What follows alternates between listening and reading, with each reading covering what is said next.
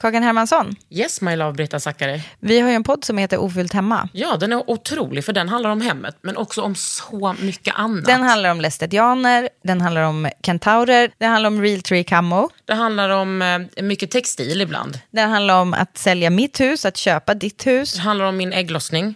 Alltid. Ja. Min också. Tack. Den heter Ofullt hemma och den finns där poddar finns. Hörs i podden, hej då! Since 2013, Bombas has donated over 100 million socks, underwear, and t shirts to those facing homelessness. If we counted those on air, this ad would last over 1,157 days. But if we counted the time it takes to make a donation possible, it would take just a few clicks. Because every time you make a purchase, Bombas donates an item to someone who needs it. Go to bombas.com slash ACAST and use code ACAST for 20% off your first purchase. That's bombas.com slash ACAST, code ACAST. Då är det under huden igen och idag kommer Ninja Tyber hit som har gjort filmen Pleasure och det blir snack om porr. Och om ni inte har sett Pleasure så ska ni veta att det är mycket spoilers idag och eh, mycket snack om sex, lite övergrepp och andra sådana där grejer som har med porr att göra. Välkomna hit till min otroliga podd. Under huden med Kakan Hermansson.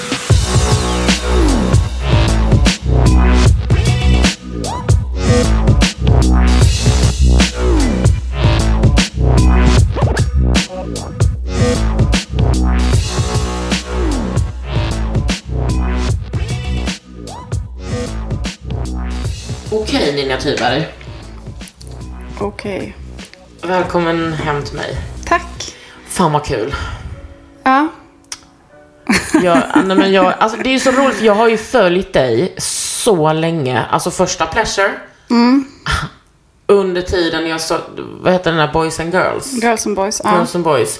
Jag har sett så mycket, hört så mycket om dig. Intervjuade dig för L förra Just året. Och fick, tyckte jag, en sån klarhet i ditt projekt. Alltså långfilmen Pleasure. Och såg den igår. Jag ville se den själv. För jag tänkte att det skulle vara jobbigt att bli exponerad. För jag visste ju att den skulle vara tung. Men jag gick dit med min straighta killkompis Joel och sa du får gå med mig om du sitter några rader bort. Jag vill inte sitta med dig. ja, men jag ville liksom inte ta ansvar för hans ångest eller upphetsning Nej. eller whatever. Uh, Okej. Och d- vad var det du sa till mig? Ja, du har sett den. Ja, men jag trodde inte det. Alltså, jag, jag, jag trodde inte att du skulle se den faktiskt. För att jag vet att du, jag har ju lyssnat på några poddar. Jag vet att du, att, liksom, hur mycket du hatar porr. Så jag tänkte att så här, du inte vill exponera dig. Alltså, jag ska säga att jag hatar porrbranschen. Ja. Och eh, tycker att den mesta porren är väldigt antiintellektuell och rasistisk och liksom helt störd. Men däremot så konsumerar jag ju all, alltså allting som finns omkring porr. För att jag vill alltid ha en nyanserad bild. Och det har varit mitt stora intresse sen jag var väldigt ung. För att det är en sån kärna av patriarkatet liksom. Men alltså jag hade så många fördomar om den här filmen. Och eh, blev fan blown away. Ja, vad kul. Vad, vad hade du för...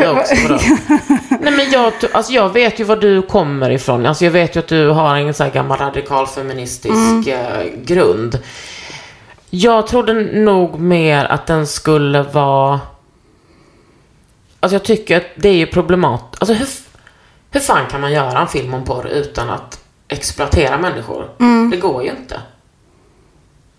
Men jag trodde nog att den skulle, att det skulle nog vara mer porr. Och ehm, m- mer, förstå mig rätt, göttigheter. Och jag är så glad att det inte var det. Men däremot var det ju alltså ändå han som satt framför mig på bilen. Jag såg ju vad han höll, alltså han blev hård liksom och var tvungen att flytta runt sig. Tror du det? För att jag har verkligen, eh, det, jag, det är det jag har hört att så här, det sista man blir av att se den är kåt. Nej, Eh, det men, tror inte Men det är jag. väl olika kanske beroende på vem. Jo men alltså, jag, alltså, jag har ju sett den här filmen utifrån vem jag är. Vilk, den analysen jag är och har liksom varit feministiskt intresserad i 30 år. Och du har ju gjort den här filmen på de grunderna. Alltså din liksom långa, långa feministiska resa, eller vad ska man säga? Ja, jo, ja men precis. Eh, jag har ju bara sett den filmen från det perspektivet. Mm. Men det är väl det som är störigt också, att man inte... Man kan ju inte kontrollera hur andra människor liksom tolkar och läser och tar in någonting. Det är ju liksom, Mm. nu, är ju, nu är filmen där och sen kan inte... Nu har jag gjort det jag kan och sen... Nu kan du det- bli överkörd av en buss. Ja, precis. Men hur, hur känns det att lämna ifrån sig sitt livsverk? Um, jo, alltså... Jo, men det känns, eh, det känns bra. Det är lite läskigt. Eh, men jag har ju gjort det stegvis. För att den stora, eh, liksom... Det var, den hade ju liksom världspremiär på Sundance, alltså fast det var online. Och sen var det väldigt många som såg den på Göteborgs filmfestival också online.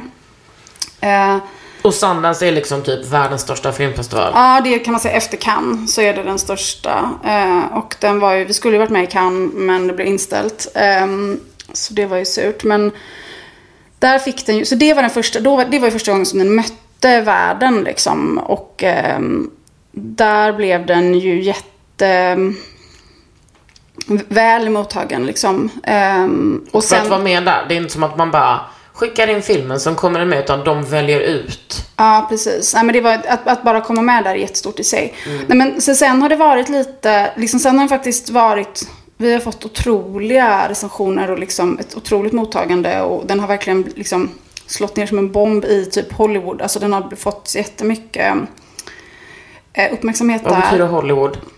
Ja, men det, framförallt att liksom, nej, men jag får såna här meddelanden typ, men vad, he- vad heter hon, Emilia Clarke? Nej men det är jättemånga så här Hollywood-kändisar. Emily Clark?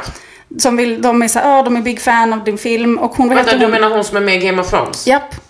Hon vill absolut träffa mig. Och hon den lilla, vad heter hon, Eh, Williams, eh, Arya Stark. Hon vill också jättegärna träffa mig nu. Och och typ- fika? Ja, typ träffas, se vad liksom, ja. Eh, för, att, för att den har fått eh, jättestor genomslag där. Ehm, jag tror att den hamnar verkligen rätt i tiden. ehm, med just att den är så tydligt liksom, en så här kvinnlig blick. Och att det är ju någon slags så här revolution som pågår i Hollywood nu på massa plan. Ehm, så det har varit, men, så den har varit väldigt hyllad. Så nu är det, det är lite som att jag känner nu, det kan bara gå ner utför nu. Eller liksom nu har den, jag, jag är väldigt spänd på att se vad som händer när den liksom når ut bredare. För att det har ju varit ändå en liksom liten kulturelitkrets som har sett den på de här festivalerna och typ eh, journalister och sådär. Vad Ehm, har journalistkåren sagt Mm. generellt? Ehm, nej men de har varit jättepositiva. Alltså framförallt eh, i USA tror jag. Där, det är där den har fått eh, absolut mest eh, genomslag. Ehm, nej men de säger ju att den är eh, väldigt, den upplevs väldigt autentisk och modig. Och jag tror att för dem är det, där är det så mycket liksom, det är en sån stor grej att den är så, alltså att man ser liksom kukar och så. Det, är, in- det har inte varit så stor uppståndelse över det i Sverige.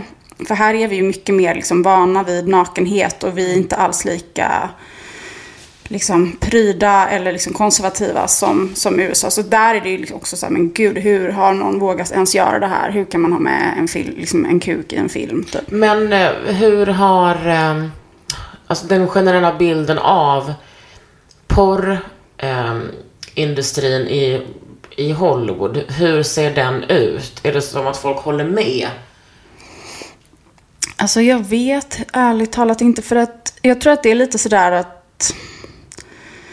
det inte riktigt finns en tydlig bild för att folk inte riktigt pratar om det. Det är väldigt liksom locket på. Och så finns det, antingen finns det liksom Hot Girls Wanted som ju var en dokumentär som kom på Netflix som var väldigt, väldigt kritisk och verkligen visade upp liksom en otroligt mörk sida. Eller så finns det så här liksom eh, skojsiga, typ Sasha Grey, woohoo, på Instagram. Alltså att det finns, det är en så här Finns hon skojsig... fortfarande? Ja, eh, hon, är inte, hon håller inte på med porr längre, men, eh, men hon är fortfarande någon som folk refererar till. Liksom. Men hon Eh, är vanlig skådis nu va? Ja, precis. Eh, ja, nej, det var länge sedan hon slutade. Men, men det finns inte riktigt någon så ordentlig debatt eller diskussion. Eller i alla fall inte liksom på någon nyanserad nivå. Jag tror att det är, folk vill generellt sett inte liksom ta, i, ta i ämnet riktigt. Nej.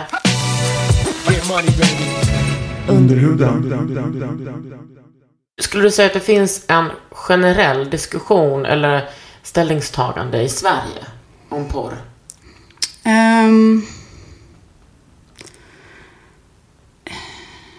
Alltså det som har varit fokus här nu det senaste har ju varit typ eh, liksom problematiken kring att det är porren som uppfostrar barn och ungdomar. Alltså så att det har mer varit den typen av fokus på vad det får för konsekvenser av att barn tittar på porr. Liksom. Eller att hur kan vi förhindra att barn får sin sexualundervisning via Ja, porren. barnfri, Porrfri porrfri barn. Mm. barn, barnfri porrdom. Det är en annan organisation. Eh, och, sen, ja, nej, men, och sen så har det väl varit... ehm, det pratas ju nu för tiden rätt mycket om att porr finns. Liksom, och man pratar om att man tittar på porr. Man liksom kan ta ordet i sin mun. Det, är ju ändå, det har varit liksom rätt vanligt förekommande tycker jag i typ poddar till exempel. Att man pratar om att porr finns. Eh, men det som jag fortfarande saknar är väl att man liksom pratar om börja titta på så här, hur, ser, hur ser filmerna ut och liksom, vad konsumerar folk för egen typ av porr? Vad tittar folk på? Alltså att man vad vågar... man är kåt av. Ja, att man vågar liksom plocka det att istället för att tänka att det är... eh, För det, det är väl det jag tänker behövs som nästa steg. Att inte lägga det på en, liksom en individnivå. Att inte typ tänka att jag på något sätt, det här säger vem jag är. Om jag blir kåt av det här som kanske då är liksom jätteproblematiskt och typ ganska misogynt på många sätt. Eh, Är, det, är jag då misogyn eller är det liksom en del av vem jag är? Utan istället så här, titta på varför blir jag, varför är vi så många som blir kåta på samma Men saker? Var man- kommer de bilderna ifrån? Och liksom våga prata om det, flytta fokus från sig själv och liksom våga se det för, våga granska det istället för att eh, skämmas liksom. Men kan man inte göra både och? Alltså ifrågasätta sig själv och eh, samhället samtidigt? Jo, absolut. Men, men, eh, men saker som är... Alltså, det är lite som att så här, jag, kan, jag kan få, eh, jag kan få så här rasistiska eh, impulser, tankar, fördomar som kommer så här, sveper igenom mig när någonting händer. Eh, det, och då måste jag ju erkänna det. Liksom, att oj, nu, nu, nu, nu, min magkänsla var rasistisk. Så här. Jag fick en fördom som svepte genom mitt huvud.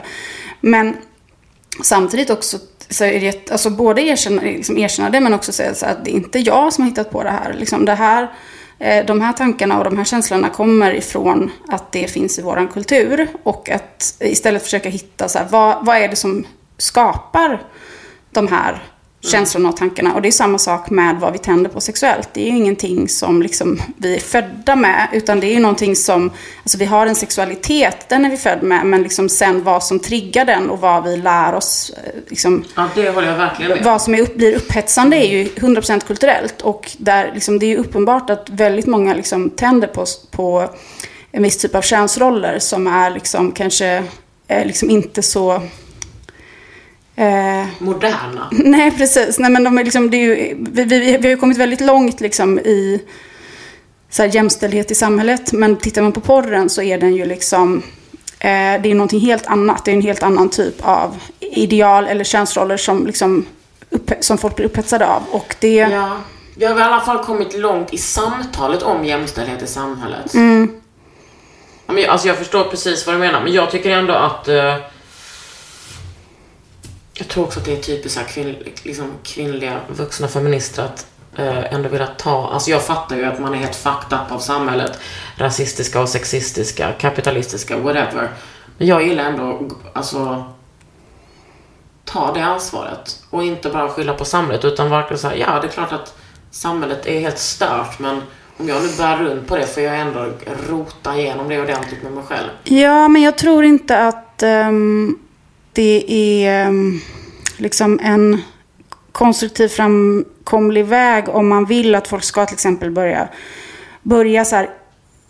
För att till exempel liksom, om vi ska börja ta, ta med så här, vad är det vi egentligen tänder på och varför tänder vi på de sakerna.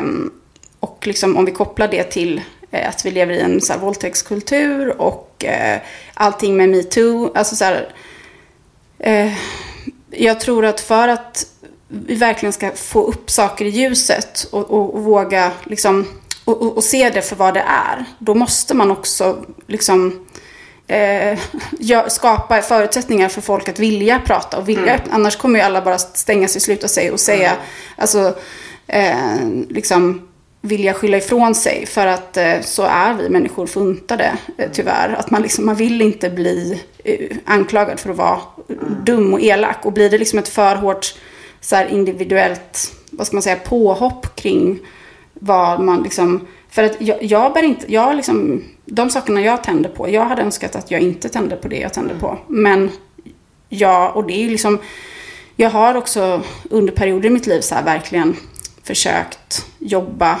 emot det och liksom hitta andra saker eller så här, jobba emot mina begär eller jobba åt ett annat håll. Och det har liksom funkat, men det har, varit, det har krävts ganska mycket mm, arbete. Och eh, det liksom, sen blir man också så här, ja, jag, liksom, man orkar inte alltid Kan man inte bara få vara kåt? Ja, men lite så. Och det är ju också någonting, det är också så här eh, dubbelt med, ehm, eh, för att man blir ju också, man tänder ju också på vissa saker för att de är förbjudna. Så det finns ju en sån del av sexualiteten som också handlar om, alltså på samma sätt som att man vill se en skräckfilm, alltså att man vill liksom besöka förbjudna platser. Eh, och att eh, liksom saker som och det behöver ju absolut inte vara någonting fel i sig. Eller liksom, det är inte så att så här, man inte får fantisera om liksom, eh, förbjudna saker som ja, typ incest eller våldtäkt eller vad det nu är som är så här, de klassiska liksom, förbjudna grejerna. Men, men det är liksom... eh, det, det, det gör ju ingenting att man eh, liksom fantiserar om det. Men men när, det, när, när man ser så tydliga kopplingar mellan eh, liksom kulturen och pornografin och vad vi erotiserar i populärkulturen och vad det sen får för konsekvenser i eh, praktiken, då är det ju väldigt viktigt att vi liksom ehm, ja, men titta på vad, när, när är det här bara en, liksom, när är det bara en, en fantasi som är liksom ofarlig? Och när är det någonting som vi behöver eh, liksom, ta på allvar. Liksom, för att, eh, och det är väl framförallt just ehm, ja, men hur, vi, hur vi ser på kvinnokroppen och manskroppen så fundamentalt olika. Eller det här att vi, ehm, ja, men att vi ser kvinnan som passiv och i slutändan liksom ett, ett offer nästan för en, en aktiv manlig sexualitet. Där Och han- att vi alltid ska sätta gränser. Det är typ så vår sexualitet ser ut. Vi ska alltid gränsa och mannen ska alltid eh, liksom pusha. Ja, precis. Nej, men han är, vi, vi är ju bytet och han är jägaren. Och det där, men det där är ju fortfarande liksom, det tycker jag att där har... ehm, där, där tycker jag också att liksom feminismen har en, en, eh, en viktig uppgift kvar. Eller som jag hoppas ska bli en del av liksom nästa steg. Det är också att liksom, deala med det här med kvinnan som liksom det sexuella objektet. För att det vill vi ju inte liksom riktigt släppa. Men, men det finns så mycket i, i att vara den som ska vara liksom, den som ska bli tittad på, den som ska vara den vackra. Eh, eh, i, de, I de rollerna som, som gör att vi... Alltså nästa steg måste också vara, liksom, vi måste börja liksom få kvinnor att också bli lite mer subjekt. Eh, och eh, bli, liksom, hitta, hit, bli aktiva. Eh, hitta den sidan i sig själv som gör, är att man är den som är handlingskraftig och är, gör saker och inte är den som någon gör någonting med. För det är ju ofta det som eh, när man är så upptagen av liksom, alltså det är jättekul att vara objekt också. Det är ju inget dåligt i sig. Nej, Eh, men det är också väldigt, det blir ju sån dubbel bestraffning i liksom den feministiska kulturen. Att man inte får vara, alltså, det har ju liksom, jag tänker så här på 90-talet när jag växte upp att så här, det var ju det absolut, det värsta som kunde hända var att bli objektifierad. Sen i smyg man bara, Typ att så här, man tycker att det är skitsexigt och alltså i vilka situationer som helst kan man ju tycka att det är fantastiskt. Men man vill ju också kunna välja. Och det är det som inte går. Nej men precis. Nej, men det, det är ju att, att kunna switcha mellan de två, två positionerna är väl det Så man... dricker lite av ditt vatten. Ja, ta- jag ställde mitt det. glas. Eh, nej men det, för det... Ingenting av det är ju liksom dåligt i sig. Utan, eh, och det är ju också liksom... Det handlar ju om att... Eh, alltså, slutmålet som man vill är ju att alla ska få bli så liksom, mångfacetterade människor som möjligt. Där man kan få liksom glida in och ut ur olika roller. Eh, och det var det liksom som... Ja, men jag, var ju, jag, var ju, jag blev ju lesbisk 2017. Ehm, Vänta, var inte det då all... Nej, det var lite tidigare. Det fanns liksom en lesbisk vår, men det var några Aha. år tidigare. Ja. Nej, men, och jag, det som var så himla så här, intressant då var ju att, att just hur, um, alltså en ny upplevelse av att de här rollerna inte var, liksom, de var inte knutna till min kropp, utan de var, de kunde, jag kunde, man kunde glida in och ut ur dem. Eh, och då var det mycket mindre, liksom, då var det att till exempel både vara liksom, passiv, aktiv, dominant, undergiven, objekt, subjekt. Alla de här sakerna fanns liksom som något som man kunde leka med och gå in och ut ur. Men som inte var något som, som satt fast i min kro- kroppsliga identitet.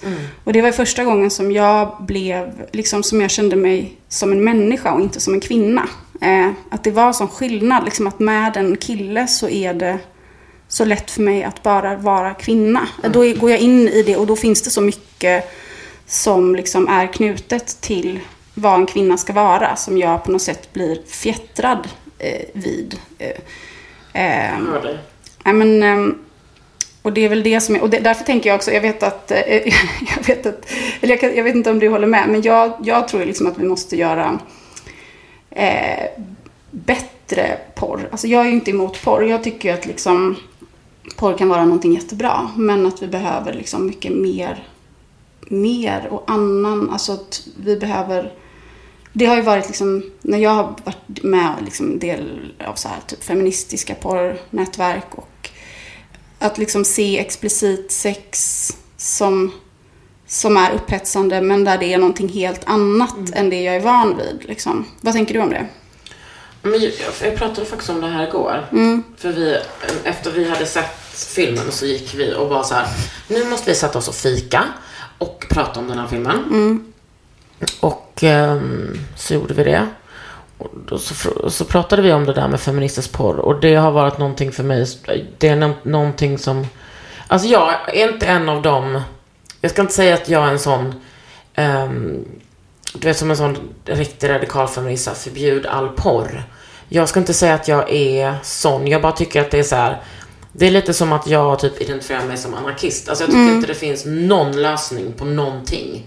Förutom om man bara plöjer ner allting som finns och börjar om från början. Det är väl så jag ser med porr också. Jag kan tycka att feministisk porr är eh, det som jag har sett är liksom töntigt, tråkigt och att det är så här. Jag blir provocerad av att jag ska bli tillrättavisad av vad som är politiskt korrekt att tända på. Så det här är feministiskt nog för dig att tända på. Men det är inte feministiskt. Alltså det måste vara, det måste finnas vissa kriterier. Då tycker jag att man tappar allting. Men måste du göra det då? För att jag tänker att det kan, alltså att man, att man inte kan säga liksom egentligen Alltså, och jag tycker inte heller, jag tycker det är jättesvårt att säga så här, det här är dåligt och det här är bra. Eh, för att det är så individuellt, liksom, vad, hur man tolkar någonting också. Att det där är verkligen något som jag liksom har lärt mig, Eh, liksom insett jättemycket när jag kom in i den världen. Att saker kan tolkas och upplevas så annorlunda från olika människor. Något som jag tycker ser ut att vara jätteförtryck... Eller så här, som för mig är så här självklart att men det här är ju, representerar ju liksom... Det här är ju förnedrande eller liksom... Eh, det här är... Eh, ja. Så upplevs det totalt motsatt för någon, någon annan. Ehm, och att liksom det här att säga så här, vad är feministisk porr, vad är inte det?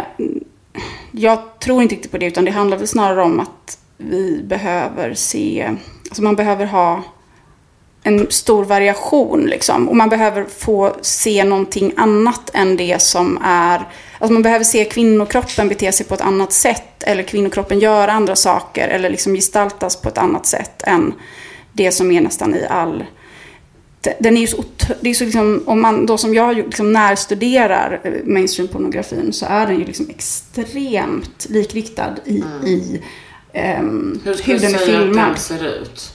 Nej, men det finns ju allt möjligt. Alltså, det, är all, det är ju absolut inte så som jag tänkte innan, att liksom allting är så här män är dominanta och kvinnor är undergivna. Utan det finns ju verkligen jättemycket olika typer av variationer i vad som händer. Och det finns allt från så soft och jättegrovt. Det finns ju liksom jättemycket porr som bara är att någon får massage jättelänge. Eller liksom det kan ju vara... Det finns ju massa saker som liksom inte är det minsta liksom problematiska i sig. Men det som, det som är problemet, eller ett av problemen är ju att det finns liksom inga kvinnor som betalar för porr. Eh, för kvinnor betalar inte för sex, kvinnor går inte på strippklubb, kvinnor betalar inte för porr. Så därför är all porr som görs är gjord för män. Och därför är det liksom 100% en manlig blick. Och, och nu pratar jag ju bara heteroporr då, eh, för det är bara heteroporren, det ska jag verkligen säga. Så att jag är bara helt, så här, helt inriktad på så här, man, kvinna, hetero. Liksom, Gayscenen är ju något helt annat. Alltså Eh, bög, ja. Ja, precis. Och lesbisk... eh, Men liksom, alltså lesbisk tycker jag går under straight porr. Ja, nej, men det, det är så jävla sjukt. Ja, det, det. Ja, nej men precis. Nej men och det är ju... eh, eh, Men jag, det, jag tänker att det är samma sak där. Jag tror inte att liksom lesbiska betalar, alltså kvinnor betalar inte för porr. Så att den då lesbiska porren är till för män som ska betala för att titta på. 100 procent.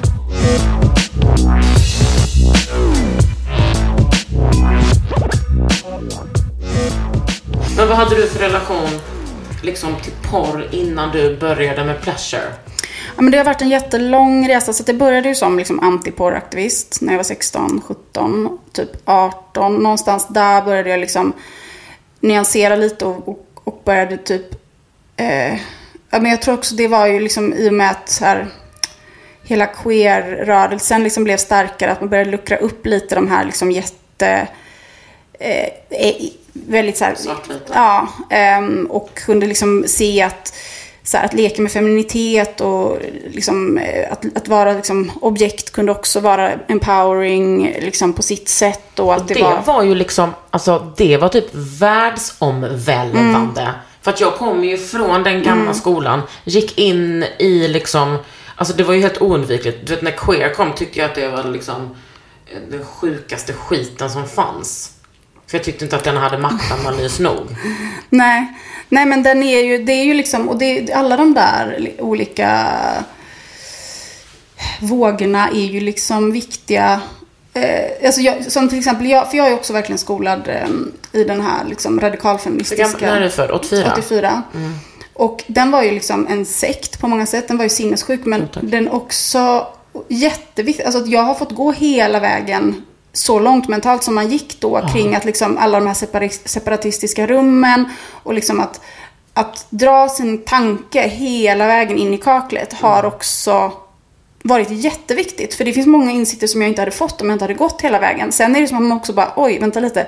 Det här, nu är det väldigt många saker som vi har missat här. Och då, sen så kanske man, sen har jag lite, lite haft den tendensen att då har jag liksom dratt in i andra väggen. Alltså så här, men jag, jag tror ju att det finns, alltså många av de där rörelserna blir ju, de blir ju liksom överdrivna och man drar det för långt. Men det finns en väldig poäng i att göra det. För att det är liksom, man kommer till nya mentala, man kommer till olika nya rum. Eh, och man får också insikter av att gå, så här, gå för långt åt olika håll. Ja, men jag tänker också att de rummen, för jag har ju också varit där, de är full, alltså fyllda av kvinnor och liksom eh, andra personer som inte är cis-män, som har mått piss över att befinna sig i liksom ett patriarkat eller liksom i en heteronorm eller rasistisk värld, whatever, så länge och det är ju rätt mycket begärt av att det ska bli en fullt fungerande sekt. När man Nej. håller på och liksom kämpa för sitt liv. Nej. Men för mig var den också så, alltså den gav hela min grund, hela min, den grundade mig, och alltså mitt självförtroende, min självkänsla, allting. Men det var, jag trodde nog att det skulle vara hela mitt liv. Men nu när jag har blivit äldre så säger jag att det var den delen av mitt liv som var jätteviktig. Och har man inte varit i den världen, då eh, har man nog svårt att förstå vad den innebär. Ja, precis. Och det är lite sådär nu, ja men där får man ju också ha, tycker jag, nu när det, vissa får ju den, det uppvaknandet nu i och med metoo. Eh, och då kan det vara väldigt lätt att vara så här, tycka nu att man, ja men, så, tyck, så här, sucka och tycka att folk är så onyanserade. Men alltså herregud vad, on, alltså, vad onyanserad man själv har varit. Eh, och att det också är viktigt Aldrig att få vara det. Nej, nej. Aldrig jag. Jo, gud ja. Jag brukar alltid säga liksom, jag, när jag var typ så 21 och du vet bara, vi var bara ett helt gäng så radikalfeminister, anarkafeminister. Vi var på du vet, första lesbisk festival i Göteborg. Du vet, jag var så här, fan vad sjukt att jag är så ung. Och typ fullärd. Alltså jag vill typ gå tillbaka och slå ner mig själv. Ja. Speciellt så, alltså visst att klass och feminism alltid har varit en stor, det har varit mitt intresse, men så här antirasistiskt. Det, alltså, herregud. Ja, men jag, då, då, jag, jag tänker så här ibland, liksom, jag försöker tänka på det så här, gud vad kul att jag har så mycket framför mig. Som, Ja, alltså men- så mycket saker nu som, eller jag kommer se tillbaka på om tio år och bara, åh herregud vad jag inte hade fattat något om allt det Det där. verkar så jävla gött. Men det krävs ett självförtroende för oss. Vi har ju det. Att förstå att, man, att vara ödmjuk inför det faktumet. Okej, men du var, du var porrmotståndare, du nosade runt. Ja, men sen så, var, sen så blev jag så här, ja, men vad är liksom positivt? För att för mig var det så här då, om jag såg en bild på en kvinna som kanske var naken. Eh, då var det så här, då var hon utsatt av den manliga blicken och hon var förnedrad liksom. Eh, och eh, så det var dels det, att jag bara kunde se, jag kunde inte se det liksom som en representation av en, en jag kunde inte se henne som subjekt i den bilden. Jag kunde inte se som att det var hon som att hon ägde bilden eller att det, här, att det var en, liksom, en representation av en sexuell kvinna liksom, som inte fråntog henne makt bara för att den var på en bild. Alltså där, det finns ju den här idén om att på något sätt kameran tar din själ. Alltså att, att för att man tar en bild av dig, och den tror jag vi har kvar jättemycket. Det märker man väldigt mycket med liksom den äldre generationen versus den yngre generationen när det gäller sociala medier. Att så här, hur kan du lägga upp bilder på dig själv sådär. Och ut, alltså att man utgår från att man är liksom utsatt för att man är på bild. Ehm, Ja, intressant. och det är ju någonting som den yngre generationen liksom inte alls ser på det sättet. Nej, vi har ju inte den, alltså det finns ju ingen nostalgi i fotografi som det finns för dem.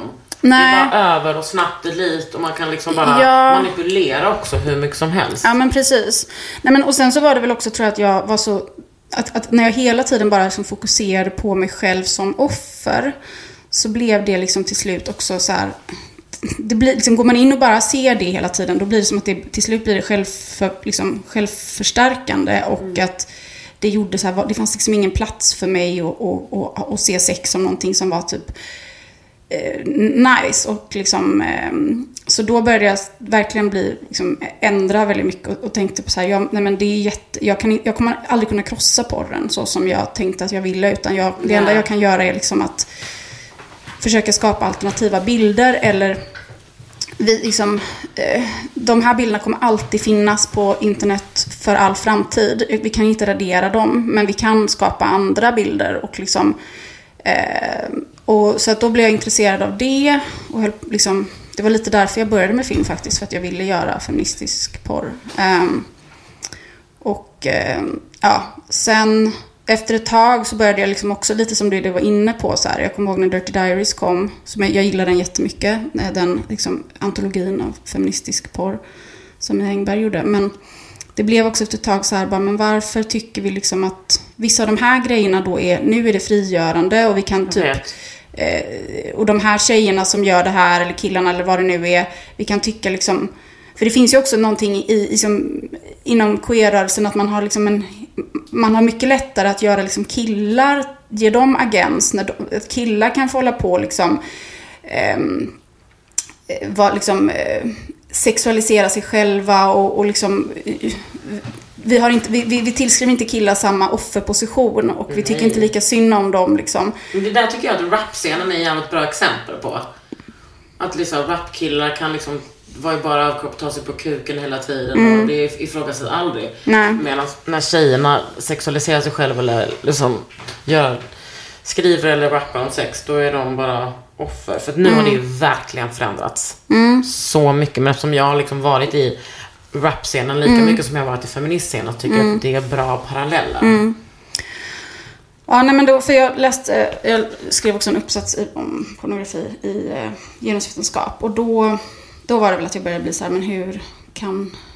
Jag började, ja, men jag började liksom också tycka att det handlar ganska mycket om klass och smak. Att det var så här, vi kan liksom, om det är några så här tjejer, några typ eh, lesbiska queer-tjejer i Berlin som gör en porrfilm som är så här feministisk porr, då tycker vi att de är liksom coola och att det är så här, att det är jättemycket, liksom, vi kan, vi ser inte dem som utsatta utan liksom, vi tror på att de har agens och att om de säger att det är, är empowering för dem, då tror vi på det. Men om några tjejer som har liksom, eh, ser ut som, är, som har liksom en helt annan stil då, som liksom ryms inom så här mainstream pornografivärlden, om de gör typ egentligen samma innehåll, de kanske gör samma saker, men men eh, de har en annan estetik. Eh, om de säger att så här, vi vill det här, vi tycker att det är empowering, då tycker vi fortfarande att de är liksom offer mm. för den manliga blicken. Och då, så därför blev, då, det var därför jag liksom började göra,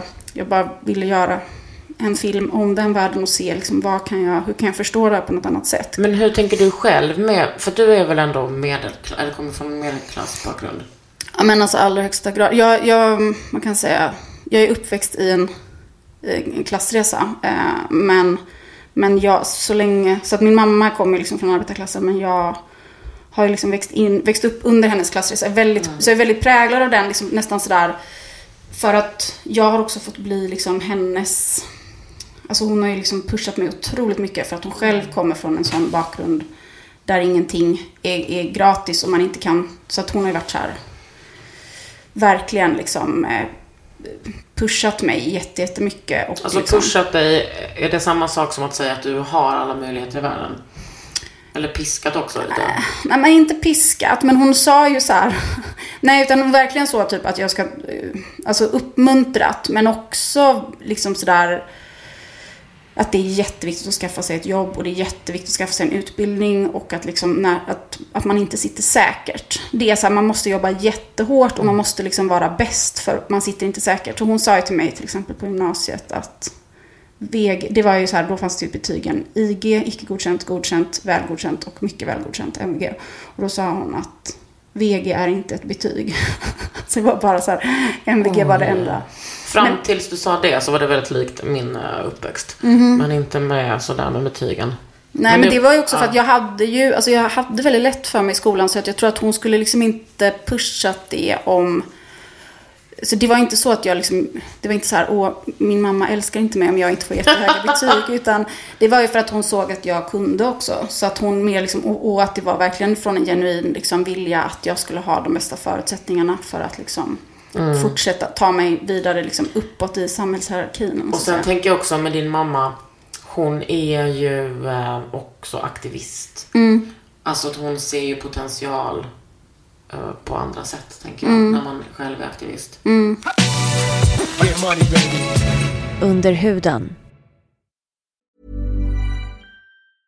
Normally, being a little extra might be a bit much, but not when it comes to healthcare. That's why United Healthcare's Health Protector Guard fixed indemnity insurance plans, underwritten by Golden Rule Insurance Company, supplement your primary plan so you manage out of pocket costs. Learn more at uh1.com. Burrow's Furniture is built for the way you live. From ensuring easy assembly and disassembly to honoring highly requested new colors for their award-winning seating, they always have their customers in mind. Their modular seating is made out of durable materials to last and grow with you. And with Burrow, you always get fast, free shipping. Get up to 60% off during Burrow's Memorial Day sale at burrow.com slash ACAST. That's burrow.com slash ACAST. burrow.com slash ACAST. Vi måste prata lite mer om filmen. Mm. Alltså, jag har så många frågor. Mm. Det är andra folk som har frågor. Mm. Eh, jag kanske ska ta dem istället för att fråga själv. Nej, men ja, både och också. Ja. Eh, det här är en fråga som jag såklart också vill veta. Jag vill höra allt om cast, castingprocessen. Jag hörde att den var svår, lång och tuff. Mm. Ja, men det var ju först då för att hitta Sofia. Det tog ju ett och ett halvt år.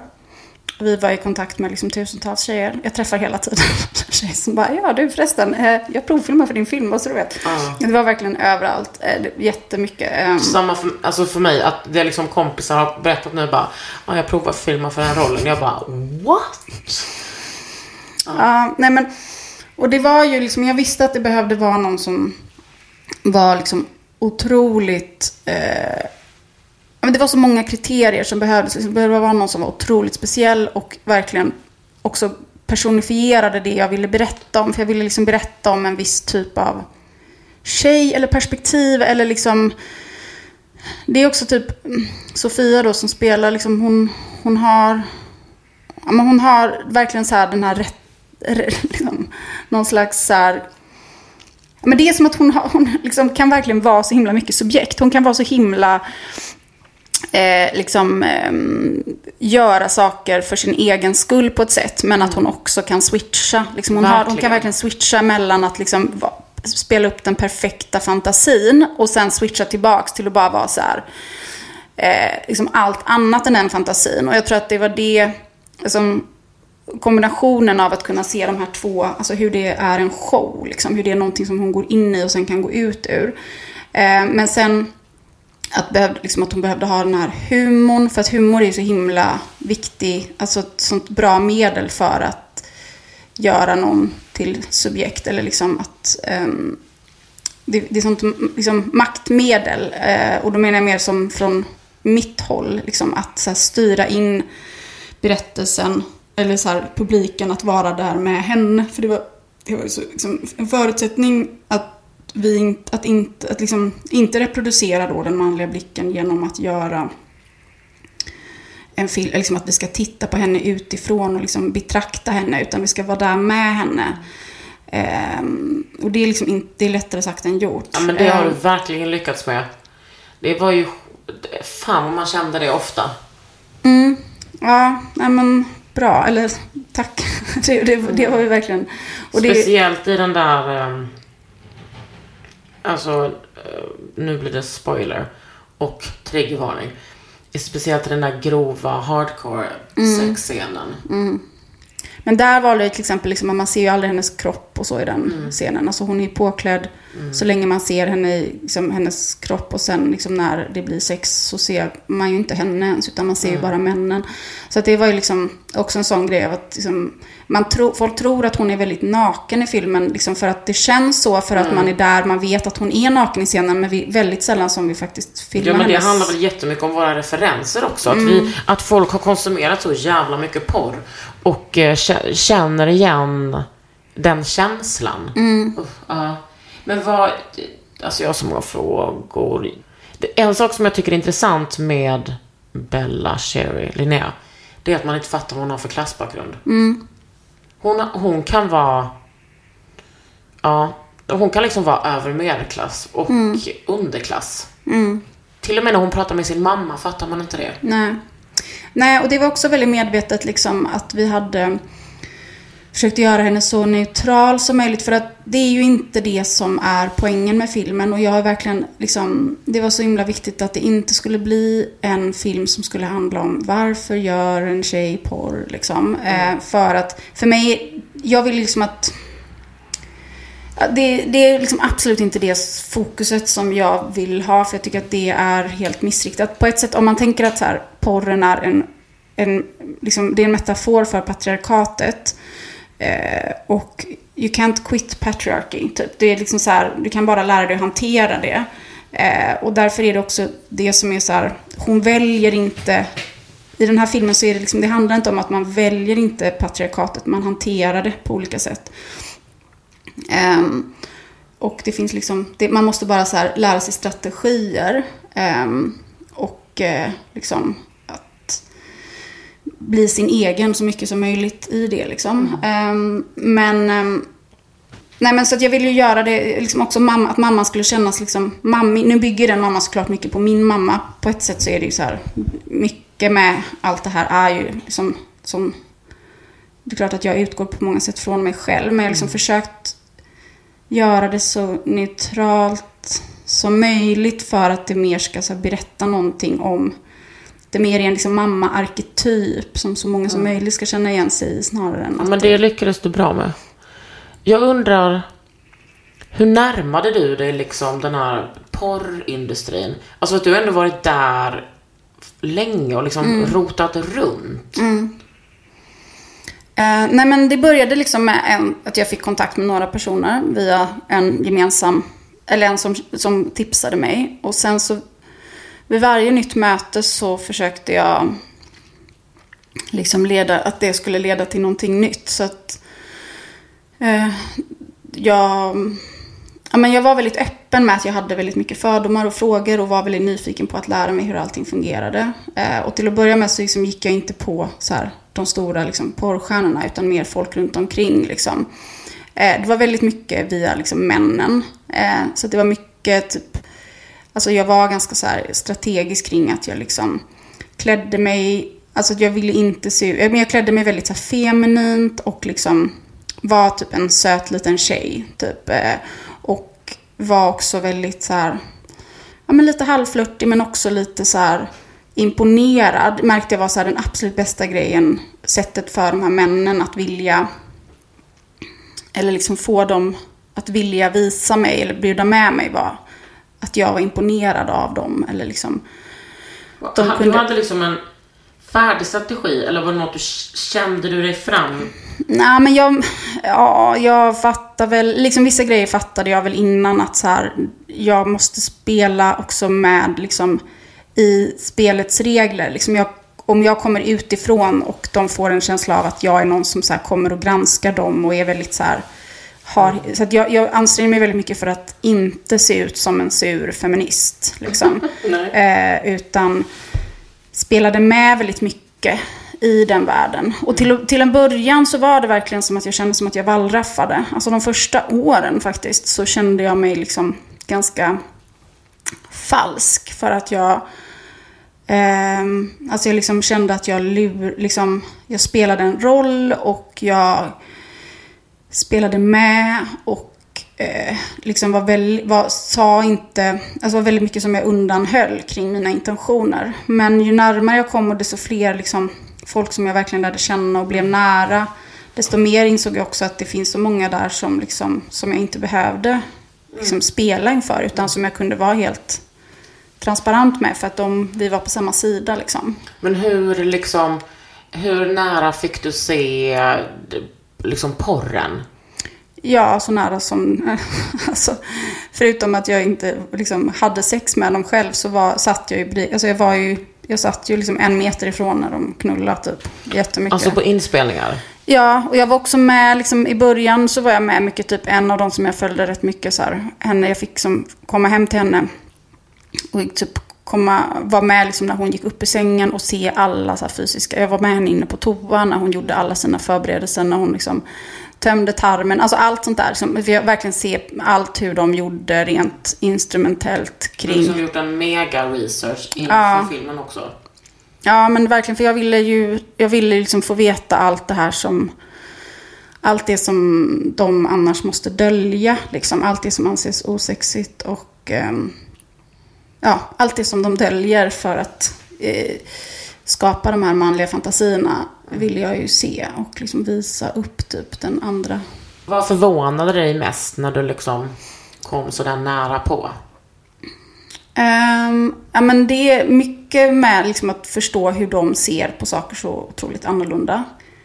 Och att tjejerna, jag trodde liksom någonstans att jag skulle se, träffa liksom tjejer som var... Alltså det gjorde jag ju också. Det finns ju jättemånga tjejer där som är verkligen liksom bara utnyttjade och, och eh, liksom, att det bara är så här jättesorglig historia. Men, men att det absolut inte bara var det, utan liksom, framförallt jag tror att jag trodde att jag visste mer, att jag var liksom, jag visste så mycket om patriarkatet och de visste inte det, typ. Eh, att jag var mer påläst och kunnig. Och Och det insåg- där är en sån jävla... Alltså, när man fattar det, att, att man har delat upp kvinnor i de kategorierna. Det, var, liksom- det är min största läxa jag har lärt mig alltså någonsin. Att man bara, jag är en feminist. Och de, de vet ingenting. Fan vilken liten fitta man har varit Mm. alltså. 100 procent. Nej men och att, att jag bara, de vet så mycket mer. Nej men jag, jag blev liksom, det blev en sån total, jag bara, totala ödmjukheten jag bara, de vet så mycket mer om patriarkatet än vad jag gör. Och liksom jag ska bara vara så lycklig över att få, typ att de liksom går med på att öppna munnen och berätta lite för mig om allt de vet. Eh, om, om vad patriarkatet är. För de vet ju allt. Liksom, de möter ju det på ett sätt, alltså de möter ju det in på bara huden och får ju se det inifrån in, den innersta kärnan. De vet ju liksom. Och ehm, så dels den där liksom totala, ja men, eh, eh, eh skiftet kring, eh, det var liksom en väldigt viktig grej. Men också väldigt mycket kring männen. Alltså jag, jag, det är ju liksom, jag har ju verkligen varit, jag har ju verkligen varit en manshatare på många sätt. Liksom. Jag har ju verkligen haft det som en så här, inte alla män, men grund, i grunden att jag liksom har en så här djup känsla av att jag hatar män. Alltså jag har verkligen kunnat känna det. Eh, och det har ju försvunnit faktiskt i och med att, att jag var där eh, på ett sätt för att det var så mycket av att eh, få se deras liksom att, att de här männen också, de männen som ska spela de här dominanta männen, de är såna Alltså de är också såna otroliga förlorare på alltihop. Och eh, de, det är ett sånt, liksom, de, de liksom vill absolut inte göra det. De, de blir också använda liksom för att spela en mansroll som de inte alls mår bra av. Och ehm, liksom vill, det ser man hela tiden att, eh, att det är så här, eh, killarna vill liksom typ kramas och vara liksom, ha närhet. Eh, ser man att det, att det inte är deras riktiga sexualitet menar du? ja, men riktiga sexualitet, det är ju inte deras... Eller jag vet inte om det, om det finns någonting som är liksom en riktig sexualitet. Men det var ju, de, det var ju alltid så här, och det sa de ju också liksom, men det såg man. Det var, de ville inte... ehm, Det var alltid, de fick liksom regi både från regissören men också från tjejerna. Liksom, att de måste vara mycket hår, mer hårdhänta och att att, alltså, och det handlar om att de vet vad den betalande manliga publiken vill se.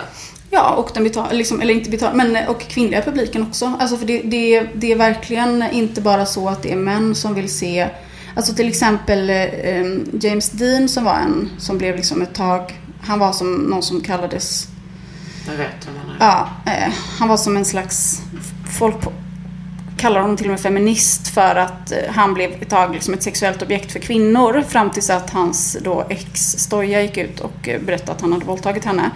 Eh, Och men andra, han är ju, andra tjejer också. Eh, ja, det är, det är flera som har liksom ber- berättelser. Men, men eh, det... Är han liksom uh, cancelled? Nej, nej det är han inte. Man bara, really? Alltså, dum fråga. Men, ehm, nej, men däremot är det faktiskt massa som är, har blivit cancellade. För typ metoo har hänt i porrbranschen också. Ehm, men det var, han är ju till exempel jättedominant och jättevåldsam. Liksom. Och det är ju... Privat. Nej, i sina Ja. filmer. Och det är ju det som väldigt många ehm, eh, tjejer... Det var ju det som väldigt många tjejer ville se. Liksom, en väldigt så här...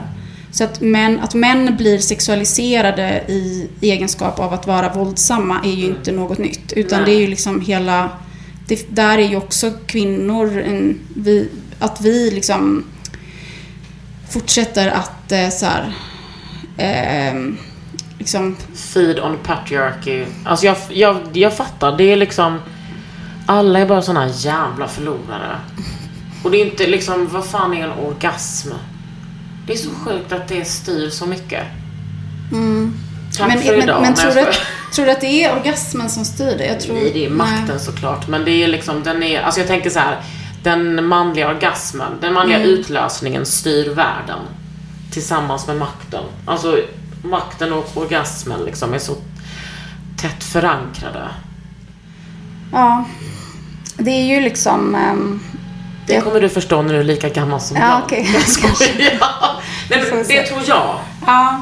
Nej men jag, det är ju så som de, liksom, folk i, i porrbranschen, många, den som ideologin man har, eller idén man har där från många är ju att, eh, och jag, det är inte så att jag står bakom det. Men jag förstår det mer nu än vad jag gjorde liksom första gången när de pratade om det. Att de också typ menar att, att på ett sätt så är det också kvinnor som eh, de menar ju då att så här, kvinnorna har den egentliga makten, det har man ju hört förut, men att, så här, att det är för att vi väljer männen. Eh, men det finns ändå liksom också mycket i det, att det är att männen hela tiden ska visa upp sig eh, för att bli valda i den här, liksom, eh, för det, så som de ser till exempel, det som jag innan bara tyckte var så här, nej men det här är ju bara en man som typ spöar skiten ur en kvinna, det här är liksom 100% förnedrande. Så såg, liksom ser de det som att, nej men han ska visa upp för henne att han är så störst och tuffast för att hon ska välja honom. Så att det, det han gör är liksom ett...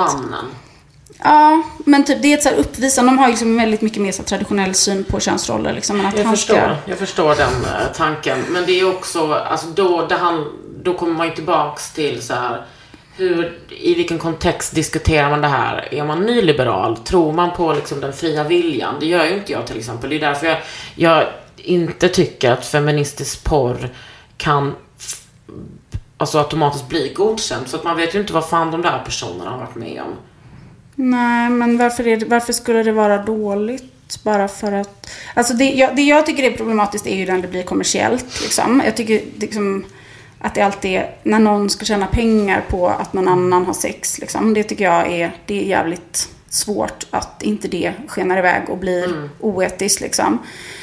Um, men, men, men utöver det så är det ju inte någonting som är dåligt med att någon har sex på film. Alltså varför ska man utgå från att någon har varit med om någonting dåligt eller att det är något som är så här, eh, liksom, att det finns en utsatthet eller så. Nej, alltså jag tror inte heller att jag tycker att sex på film är Alltså det i sin enskilda isolerade Nej. sak är en dålig sak. Men eftersom jag tänker att Alltså alla kvinnor mer eller mindre har liksom levt i ett samhälle där vi lär oss att hata oss själva. Så tycker jag att den gränsdragningen är väldigt svår. Mm. Och eh, eh, för det är där jag tycker att det blir så här nyliberalt. Jag vägrar gå med på det. Att det är så här, varför ska man utgå från att kvinnor har varit med om någonting bara... Alltså jag utgår från att alla kvinnor har varit med om något skit. Och hur vi Eh, hur vi dealar med det, det gör vi på olika sätt. Men varför är det då? För då är det, det är som om man säger att, liksom, att sex, då är det som om man utgår från att sex är någonting liksom riskabelt och farligt. Alltså, ja, det är klart att alla tjejer har varit utsatta för så här patriarkal skit. Men varför skulle det vara att det är en exploate någonting exploaterande att hon, om en tjej för har sex? Att jag ser, att, för att jag ser sex mot betalning som det är på många mm. sätt som det yttersta i patriarkatet. Och att det är ett sånt... Eh, men om man, om man gör det för, om, om det är verkligen uttalat att det görs så här som ett sätt att motarbeta patriarkatet eller om man gör det så här uttalat för en kvinnlig publik. Och är det bättre då att säga så här, nej men då ska de inte ha betalt? Eller liksom, det, jag... Nej, alltså, eh, jag, alltså jag är inte ens där på betalgrejen. Nej. Jag är, inte ens, jag är där i början om man ens mm. ska göra det. Men jag tror, jag tror ju inte på den fria viljan liksom. Jag tror inte att den, den finns. Alltså jag är ändå så... Eh, och jag, alltså, jag önskar att det var så. Eh, och... Eh, Men var är bara, för, av nyfikenhet då, alltså typ, säg till exempel att man gör en filmscen mm. där några kysser varandra och, och liksom, det är en berättelse med en mm. filmscen. Där de har sex eh, i scenen på mm. film. Liksom. Alltså en, men man loss, en ja, men en vanlig film. Ja. Och så har man låtsas sex. Varför är det... Om man då skulle göra en liknande grej fast man skulle ha sex på riktigt och det var några som ville det och tyckte mm. att det var nice. Varför är det... För att vad betyder ville det? Det är så stort. Vad är ville det? Jo, men varför är det ens ett problem från första början? Alltså varför är det inte ett problem att någon överhuvudtaget För någonsin är med på en bild? För att kvinnors äh, självskadebeteende men en, en, tjej, en kvinna som bara är en fotomodell då? Eller någon som är med bara på en bild överhuvudtaget? Mm. Eller var, var, ska man dra gränsen då när det är så här? Nej, men... Alltså grejen är så här, jag får ju uppenbarligen inte vara med och dra någon gräns för jag håller inte ens på att jobba med det här. Men åsikter finns. Ja. Alltså jag tycker att det är, jag tycker liksom att hela, hela samhället byggs på våra olika självskadebeteenden. Alltså hur vi jobbar ihjäl oss, hur vi ser ut i våra relationer oavsett läggning. Alltså vad vi ställer upp på, vad vi njuter av. Jag tycker liksom att självskadebeteendet är sån core i samhället. Jag kan inte, alltså jag Jag- önskar att det liksom var, Jag har, liksom, jag har jättesvårt för, för, men det där är väl två olika, förlåt om jag avbröt, men, men självskadebeteende-grejen har jag jättesvårt för. Det var en av de första sakerna som jag liksom verkligen bestämde mig för att, eller liksom insåg att jag tycker att det är ett, ett eh, att man gör ett jättemisstag när man pratar om det som självskadebeteende för att man, då utgår man från, alltså att jag tänker att det bara handlar om att det är olika sätt att hantera någonting men att man vill ha ett bra liv. Man är inte ute efter att skada sig själv. Alltså det, det fråntar kvinnor agens och det gör själv, Ja. liksom att Ja, Alltså jag håller med dig 100%. Men jag menar bara att det finns, det finns ju liksom nivåer.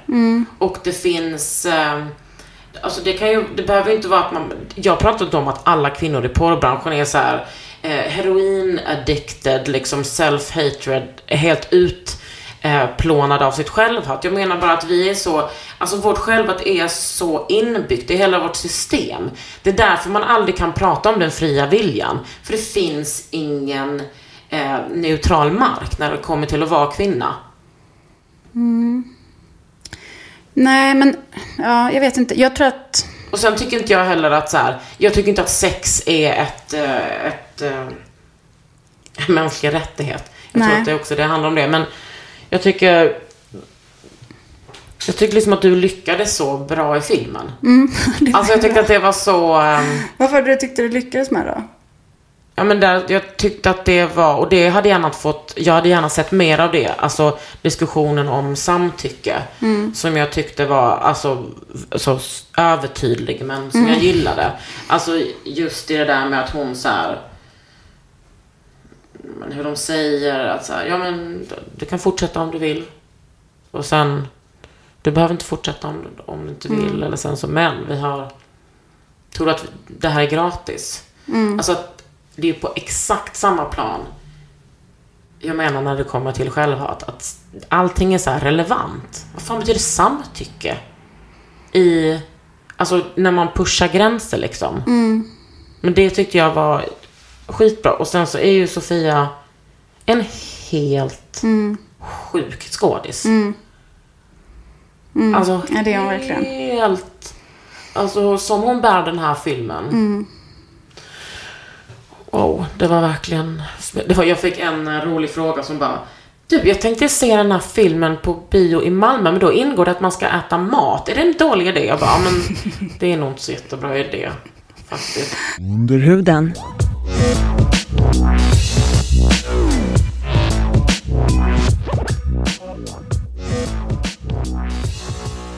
En, ehm, en intressant fråga från en annan regissör som har frågat hur jobbade ni med gränssättning?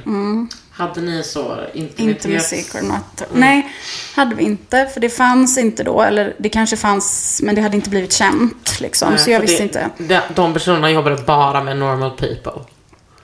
Ja, nej sett men... den? Nej. Du måste Vänta. göra det. Jo.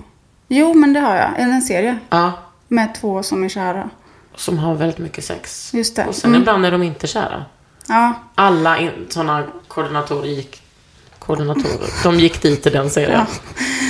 Nej men eh, jag, det är helt sjukt faktiskt att vi inte hade det. Eller att det, nu, nu när det finns så tycker jag att det är helt sinnessjukt att jag skulle vara det också. För att det var jag som fick vara det då. Eh. att du inte har gjort tillräckligt. Ja men det var liksom jätte, alltså det, för det var ju absolut ett heltidsjobb i sig självt. Och samtidigt också regissera hela resten av filmen som också typ bara hade folk som gjorde, alltså det var ju ingen som var så här en professionell skådespelare. Förutom porrskådisarna va? Ja, precis. Men de är inte vana att skådespela på det här. Så det var ju liksom ett otroligt, eh, det var väldigt, väldigt svårt och tufft liksom under inspelningen att få ihop allt. Och ehm, att också då ha hand om det och se till liksom hela tiden att så här, vi inte skulle göra det som filmen handlar om. Alltså att gå över hennes gränser eller liksom. För det är ju det som är så här, ja men hon har sagt ja till att hon vill göra det här. Men alltså allt det var ju, blev ju, det var ju verkligen meta, på så här metanivå liksom. Och det blir ju meta när man sitter i biosalongen. Ja, men det, var, det är verkligen, det som verkligen säger att den, just den jo- jobbigaste scenen var, var, den hade vi förberett jätteväl. Och då hade vi också Fanny Metelius till exempel med. Hon är, jobb, har jobbat som intimitetskoordinator efteråt. Liksom. Men hon var ju med också bland annat och hjälpte och stöd för mig. För att hon är också van vid att jobba med sexscener. Och sen hade Sofias bästa kompis var med, kom, var, kom från Sverige dit och satt bredvid. Eh, och vi hade en regel att liksom alla fick säga stopp. Så att det var inte bara jag och Sofia, utan att, liksom, att det var allas ansvar att känna ifall liksom, man gick för långt. För jag hade ju samtidigt eh, mitt, alltså jag skulle ju såklart, det är mitt ansvar att skådespelarna eh, inte liksom far illa. Mm. Men det är också mitt ansvar att få fram det bästa. Mm. För det, den här scenen var så otroligt viktig för Sofia. Liksom. Alltså, den var ju jätte, liksom, hon var jätteviktig för henne att göra den bra. Eh, så hon ville ju också såklart liksom, eh, att jag skulle pusha henne max liksom, till hennes, mm. så här, det hon ville få fram. Och de två killarna, mm. är det porrskådisar? Ja, det, det, är det. Eh, och en av dem, eh, han lever tyvärr inte längre. Nej, eh, är det han som det står där? Mm. Eh, men han var världens finaste. Och han, så han kom liksom hem till oss eh, flera gånger innan, liksom, typ någon månad innan vi spelade in och bara gick igenom så här, övade alla, testade alla så olika, hur de skulle göra och visade henne hur, liksom, för det är mycket saker som de gör som ser ut så att det gör ont men som egentligen inte gör så ont. Liksom, där det ser ut som att de drar henne i håret men hon håller egentligen i hans hand. Alltså det finns massa saker och typ när det ser ut som att de stryper henne så håller de inte så hårt utan det hon tryck, pressar liksom bak huvudet. Är det sådana klassiska porrtrick? Ja, nej men ja, dels det men också faktiskt bara vanliga stunt, alltså mm. stunttrick när man gör liksom slagsmålscener. Mm. Um, och, eh, och han var också så här, vi fick, han liksom, han kom hem och typ tog av sig kläderna och stod så här lydigt och bara runkade upp kuken så den stod och så fick vi så här gå runt och typ bara kan du ställa dig så, kan du ställa dig så, typ ta massa olika bilder och typ test, testa alla så här scener med honom så här där vi gick runt och typ så här eh, kan du göra, liksom, och så bara stod han där så här lydigt med sitt stånd och liksom så här stod, var så jätte, liksom bara hjälpte till för att han tyckte typ att det var en jätteviktig film. Um, Fick han se den? Han hann inte se den. Han, um, nej, han, han dog uh, innan vi var färdiginspelade mm. faktiskt. Med allting. Så det var jättesorgligt. Han, för han, ja, han, var, han var en av dem som jag hade liksom hunnit komma nära. Och uh, han var också, det var liksom lite var det typ lite på grund av, jag tror han var en bidragande orsak till att jag liksom till slut så här, gjorde upp med mitt manshat för att jag kom nära honom och liksom eh, han, han är den då som liksom väldigt ofta spelar liksom den värsta typen av, alltså han spelar jättemycket så här att han ska vara så jättedominant och han var så jävla olycklig av det och han ville verkligen inte det och eh, men det var liksom typ som han hade blivit liksom hans roll i livet. Att vara den där killen liksom. Eh, han, han göt liksom inte av det alls. Eh. Vidrigt att liksom behöva få stånd. Mm. Och jag kan ju inte... Eller alltså... De tar ju så jättemycket Viagra och liksom mm. det är också, många av dem tar ju så här Cavijack som är typ en injektion som ja. gör att de eh, får, ja, den sväller upp. Mm. Men Sofia har liksom inget actual sex i filmen? Nej, mm. nej, nej. Varför är det så nej, nej?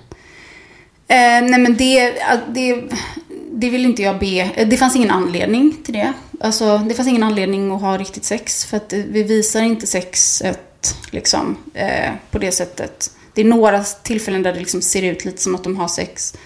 För att eh, liksom, det skulle kännas realistiskt så liksom gjordes lite fake sex vid liksom några få tillfällen. Men annars så är det inte det. Det är liksom mycket, det är ju någonting annat liksom som är poängen i scenerna som, som kameran fokuserar på och som liksom det handlar om. Eh, och sen vill jag liksom inte utsätta henne för det. Alltså hon, jag, det hade ju, liksom, nej, det fanns bara ingen anledning. Och, jag, och jag, det hade också blivit jättefel fokus. Det fanns absolut ingen anledning att ha med riktigt sex. Det är ju inte, det det går ju att fejka jättebra liksom. Ja, det var verkligen jättebra. Jättebra den här avsugningsscenen. Det var verkligen så real. Ja. Wow, det var mycket att se alltså. Det var... Representerar den där killen någon? Den där liksom som hon kastar ner i vattnet. Representerar ja. han någon? Mm. Ah, nice. Fattar alla i, porr, i porrbranschen det? Nej, men grejen är att det finns också flera sådana. Ja, såklart. men de, det som faktiskt är en jätte... Eh, bra grej. Alltså det har hänt jättemycket i porrbranschen de senaste åren och metoo har hänt där. Ehm, så tjejerna har liksom gått samman i jättemånga fall och äntligen så har liksom de där, vissa av de där mogulerna fallit och många av de här killarna som har fått härja fritt liksom eh, innan har de har blivit cancellade. Så att det har verkligen, det är väldigt mycket kvar att göra. Men det har skett otroligt liksom, eh, Eh, mycket på den tiden som jag, alltså om man jämför med när jag var där första gången 2014 och idag så är det faktiskt liksom lite grann en annan bransch. Det går, eh, och, det, och det har också väldigt mycket att göra med att i och med sociala medier, till exempel Onlyfans. Alltså man kan vara kritisk mot Onlyfans på massa sätt, men när det gäller utifrån deras perspektiv så har det liksom 100% gett dem kontrollen över sin arbetssituation och gett dem, eh, det, det, som, det har gjort att kvinnorna nu själva bestämmer vad de, vilka de vill jobba med och eh, äger materialet och ehm, eh, styr sin egen arbetssituation. Och eh, samarbeta. Det som också har hänt då är att tjejerna börjar samarbeta jättemycket med varandra. Ehm, så att det, det har liksom ritat om kartan kring vilka det är som har makt. Eh, och det, det som är liksom en positiv, om man... Det är fortfarande liksom... Eh, det är långt ifrån liksom utopiskt, men det som har hänt när det blir sociala medier och man liksom följer konton, det är att de konsumenterna har mycket mer respekt för tjejerna för att man har en, det blir som en personlig relation. Alltså att man har ett namn och det är en, mm. en person som är känd och som du liksom, det blir inte samma som det har varit tidigare, att det bara ska vara så en ny, ny och ung som ska bara konsumeras, det ska bara vara en ny tjej och liksom det, det har fortfarande, de, det är inte som att den tendensen är liksom eh, över, men eh, det, är, det finns mer av en eh, respekt gentemot tjejerna, att de har ett... Mm. Eh, ja, det är, en, det är, en, annan typ av konsumtion när man följer dem direkt. Och, eh, eh, och så att, för, för det har verkligen förändrat, det, förändrat tjejernas arbetsvillkor väldigt mycket. Eh, Tror du att din film kan ha bidragit med det? Nej, men de, den har inte, de har inte sett den ännu. Den har inte kommit ut där. Men jag tror ah, att den... Är det ingen, för det var det jag tänkte fråga. Vad tycker de? Vad tycker um, Jo, alltså vissa, de som har, de är med i filmen har sett den. Och där är ju så Har vissa... Sander Corvus sett den? Han har inte sett den. Okej, okay, underbar. Han är för övrigt den alltså, rar, finaste personen Ja, men det jorden. kan jag tänka mig. Alltså han är så adorable. Alltså, ja. Men... Och så mycket att han håller på med sitt band. Ja. Bara, vem bryr sig? Men, eh, men också typ smalhands är också det. Han har ju, det är bara som en sån sak att Smalhand som typ, det är också, han heter Smalhand för att han har en liten kuk och är liksom tillsammans med Joanna Angel som är så här världens jävla liksom queen i den världen. Så han, så han är så här, please, verkligen så här, en kille som liksom på ett helt annat sätt liksom är där för att plisa tjejer och har ett helt annat ideal. Mm. Eh, han har liksom vunnit Best Male Performer typ eh, senaste två åren. Och eh, Angela White som är liksom över 40 men vägrar göra milf-porr och som är liksom hon är också så den första som, hon är inte smal, hon är, liksom, det är ett helt annat typ av ideal som plötsligt har premierats och vunnit de senaste åren. Men nej, tillbaka till frågan så har de inte sett, eh, de som har sett den, eh, då kan man säga så här, vissa av killarna är sura. Ja, ah, är det han som är small hands? Mm. Han som gör den scenen? Mm. Okej. Okay. Eh, nej men vissa av tjejerna är, eller tjejerna stöttar generellt eh, och tycker att det är från deras point of view, äntligen. Och eh, några av männen är sura. För de, tyck för de tyckte inte att det var den filmen de trodde ah. att det skulle vara. Ah. Alltså de har ju fått läsa manus och så. Men jag tror att när de läste manus så såg de liksom, de såg det med andra ögon. Mm. För de, jag tror inte att de jag tror att de faktiskt var eh, liksom chockade. Jag vet, det var väldigt speciellt. Efter visningen så sa, var det en som kom fram och var så här. En av de stora liksom som kom fram och sa så här. Bara, jag vet inte, jag har gjort porr i 30 år och nu det här känns inget bra. Vad är det vi gör egentligen? Eh. Eh, och, du, och, här, och han hade inte kunnat zooma ut? Nej men han har liksom aldrig sett, han bara, vad är det, det är inte så kul för de här tjejerna på det här sättet, typ. Och sen så, och sen så sa han också, och så sa han också så här, han bara, eh, Ninja, I think you came too close actually. Th- This was too real actually. Bra. Alltså det måste vara fantastiskt. Det bästa betyget. Ja. Så här lång har aldrig en podd varit och jag har liksom hundra frågor kvar. Alltså jag är så jävla glad att du kom hit. Ja, Jag är tack så glad att att jag har fått följa med dig på den här resan.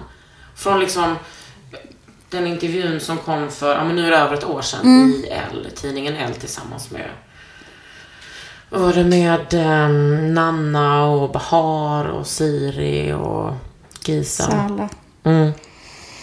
Det var fantastiskt. Mm. Så kul. Men vill du jobba mer med det här ämnet? Ja, men inte, jag behöver liksom en liten paus. Ehm, det- och jag kommer inte göra en Pleasure 2, vi får se. Jag vill ju göra feministisk porr, alltså, men, ehm, Ja, övertyga gärna mig. ja, Men du, du har fått något helt sjukt jobb. ja, men eh, eller jag får inte prata om det. Vadå, det ligger ju ute på din Instagram. Nej, Har du tagit bort det? jag har inte lagt ut någonting. Okej, Jag, det, jag har munkavel, I'm sorry. vi får googla. Jag är i alla fall jätteglad. Jag är Ja. så jävla glad för din framgång och det ska bli Tack. så jävla kul att följa dig. Tack. Jag heter Kakan Hermansson Ninja Thyberg. och du har lyssnat på Under huden.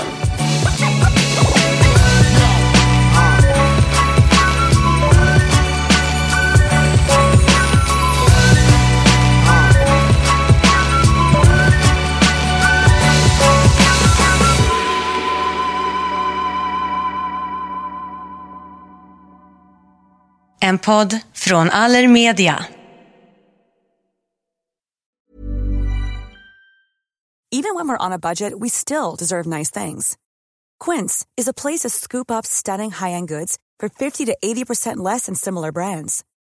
They have buttery soft cashmere sweaters starting at $50, luxurious Italian leather bags, and so much more. Plus, Quince only works with factories that use safe, ethical, and responsible manufacturing. Get the high-end goods you'll love without the high price tag with Quince. Go to quince.com slash style for free shipping and 365-day returns. Flexibility is great. That's why there's yoga. Flexibility for your insurance coverage is great too. That's why there's United Healthcare Insurance Plans. Underwritten by Golden Rule Insurance Company, United Healthcare Insurance Plans offer flexible, budget friendly coverage for medical, vision, dental, and more. One of these plans may be right for you if you're, say, between jobs, coming off your parents' plan, turning a side hustle into a full hustle, or even missed open enrollment. Want more flexibility? Find out more about United Healthcare Insurance Plans at uh1.com.